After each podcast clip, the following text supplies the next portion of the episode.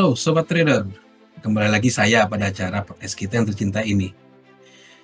Uh, kali ini saya masih membahas mengenai peran bank sentral ya, seperti janji saya kemarin, khususnya bank sentral utama yang mempengaruhi perdagangan mata uang utama. Ya, seperti yang saya informasikan pada podcast sebelumnya, yang telah membahas mengenai peran penting bank utama sentral secara keseluruhan, dan dilanjutkan dengan pembahasan mengenai Bank Sentral Amerika atau Federal Reserve. Uh, kali ini saya akan membahas mengenai Bank Sentral Eropa. Oh ya, podcast mengenai Bank Sentral utama ini masih akan berlanjut ya Sobat Trader. Jadi, nantikan pembahasan Bank Sentral lainnya pada episode selanjutnya. Oke, nggak perlu berlama-lama lagi saya rasa. Kita lanjutkan podcast ini peran Bank Sentral Eropa dan pengaruhnya terhadap euro. Apa sih Bank Sentral Eropa itu? Bank Sentral Eropa atau European Central Bank atau disingkat dengan ECB adalah bank sentral yang mewakili negara-negara anggota zona euro. ECB ini berkantor di Frankfurt, Jerman, didirikan pada tahun 1998 melalui perjanjian Amsterdam. Uh, berbeda dengan bank sentral lainnya, bank sentral Eropa ini mengontrol kebijakan moneter negara-negara anggotanya. Maksudnya negara-negara anggota zona euro. Mana saja negara-negara yang termasuk dalam zona euro? Negara-negara yang termasuk dalam zona euro itu di antaranya Austria, Belgia, Siprus, Estonia, Finlandia, Prancis, Jerman, Yunani, Irlandia, Italia, Latvia, Lithuania, Luxembourg, Malta, Belanda, Portugal, Slovakia, Slovenia, dan Spanyol. Karena ECB ini berperan sebagai bank sentral untuk 19 negara yang termasuk dalam zona euro, bank sentral ini pun diawasi oleh Dewan Pemerintahan yang terdiri dari enam anggota Dewan Eksekutif dengan satu jabatan sebagai presiden. Anggota Dewan Eksekutif ditunjuk oleh Dewan Eropa atau Commission Eropa. Yap, sorry, atau European Commission. Oh ya, sobat trader, sudah tahu dong siapa presiden European Central Bank atau ECB? Ya, presiden ECB adalah Christine Lagarde. Oke, selanjutnya uh, mirip dengan bank sentral lainnya. Tujuan utama terbentuknya Bank Sentral Eropa ini adalah untuk menjaga stabilitas harga. Mereka menggunakan kebijakan moneter untuk mendukung perekonomian dan penciptaan lapangan kerja. Ya, sama sih dengan bank sentral lainnya ya. ECB juga memiliki mandat atau tujuan utama, di mana mandat ECB menjaga stabilitas harga. Stabilitas harga merupakan pengendalian inflasi, Harmonized Index of Consumer Price atau disingkat HISCP dan nilai tukar euro. Mari kita bahas satu-satu. Jadi apa aja tadi eh, kedua mandatnya si ECB? Oke, kedua mandat ECB itu di antaranya yang pertama stabilitas harga, yaitu stabilitas harga atau inflasi ya pastinya. Kedua stabilitas keuangan melalui kontrol stabilitas harga dan terkadang mekanisme lainnya dalam upaya menjaga stabilitas harga, Bank Sentral Eropa memengaruhi suku bunga jangka pendek untuk kawasan zona euro. Saat ini target suku bunga Bank Sentral Eropa masih di bawah atau mendekati 2%. Meskipun target inflasi mereka memiliki peran besar. Namun data PDB dan pengangguran juga memiliki pengaruh besar pada keputusan yang diambil oleh para legislatif. Jika inflasi naik di atas 2%, Bank Sentral Eropa akan memberi sinyal untuk menaikkan suku bunga guna memperketat ekspansi ekonomi zona euro dengan menurunkan inflasi. Jika angka pengangguran meningkat dan ekonomi melambat, dipastikan Bank Sentral membuat keputusan untuk menurunkan suku bunga. Gunanya apa? Ya jelas untuk merangsang ekonomi dan pertumbuhan sektor lapangan kerja.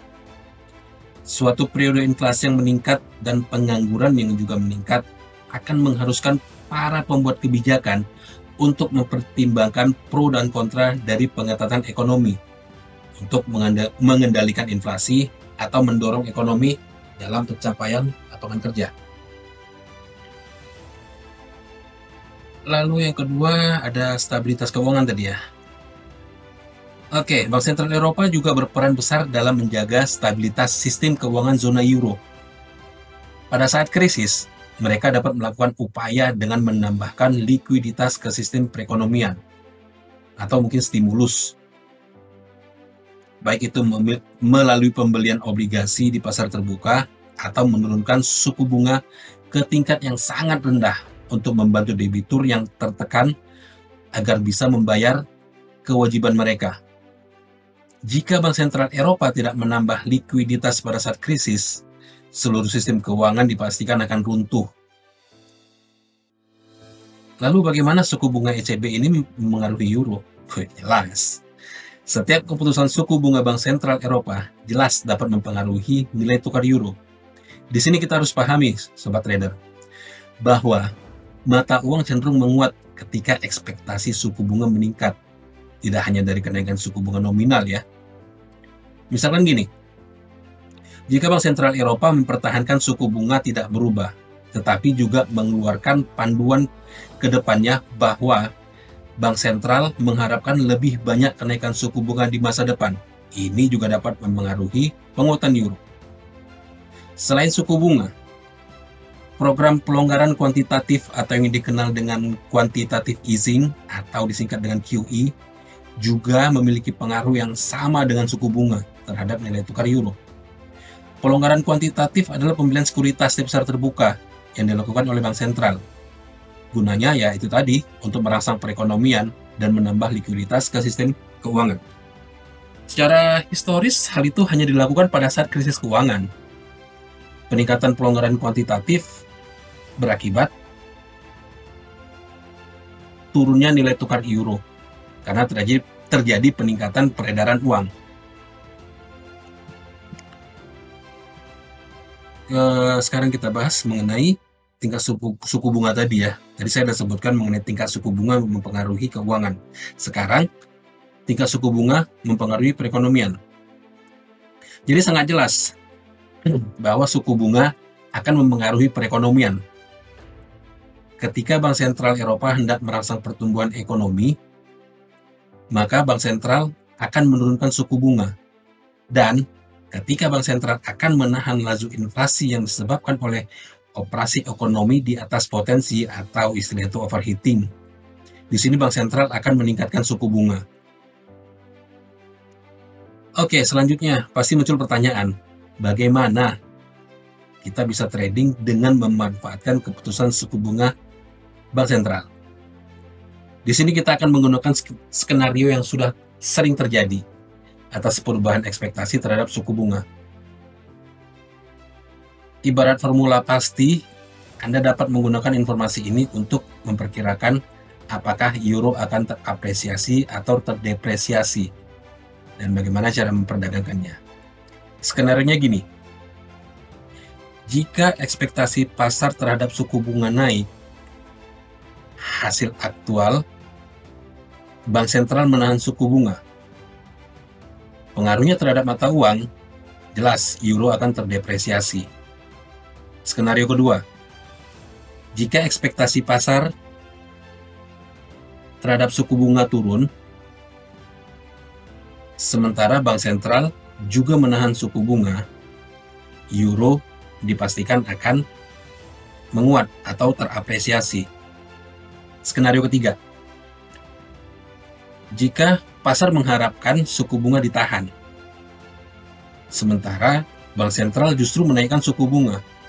Ini jelas menguntungkan euro. Euro akan terapresiasi atau menguat. Jika ekspektasi pasar ECB menahan suku bunga,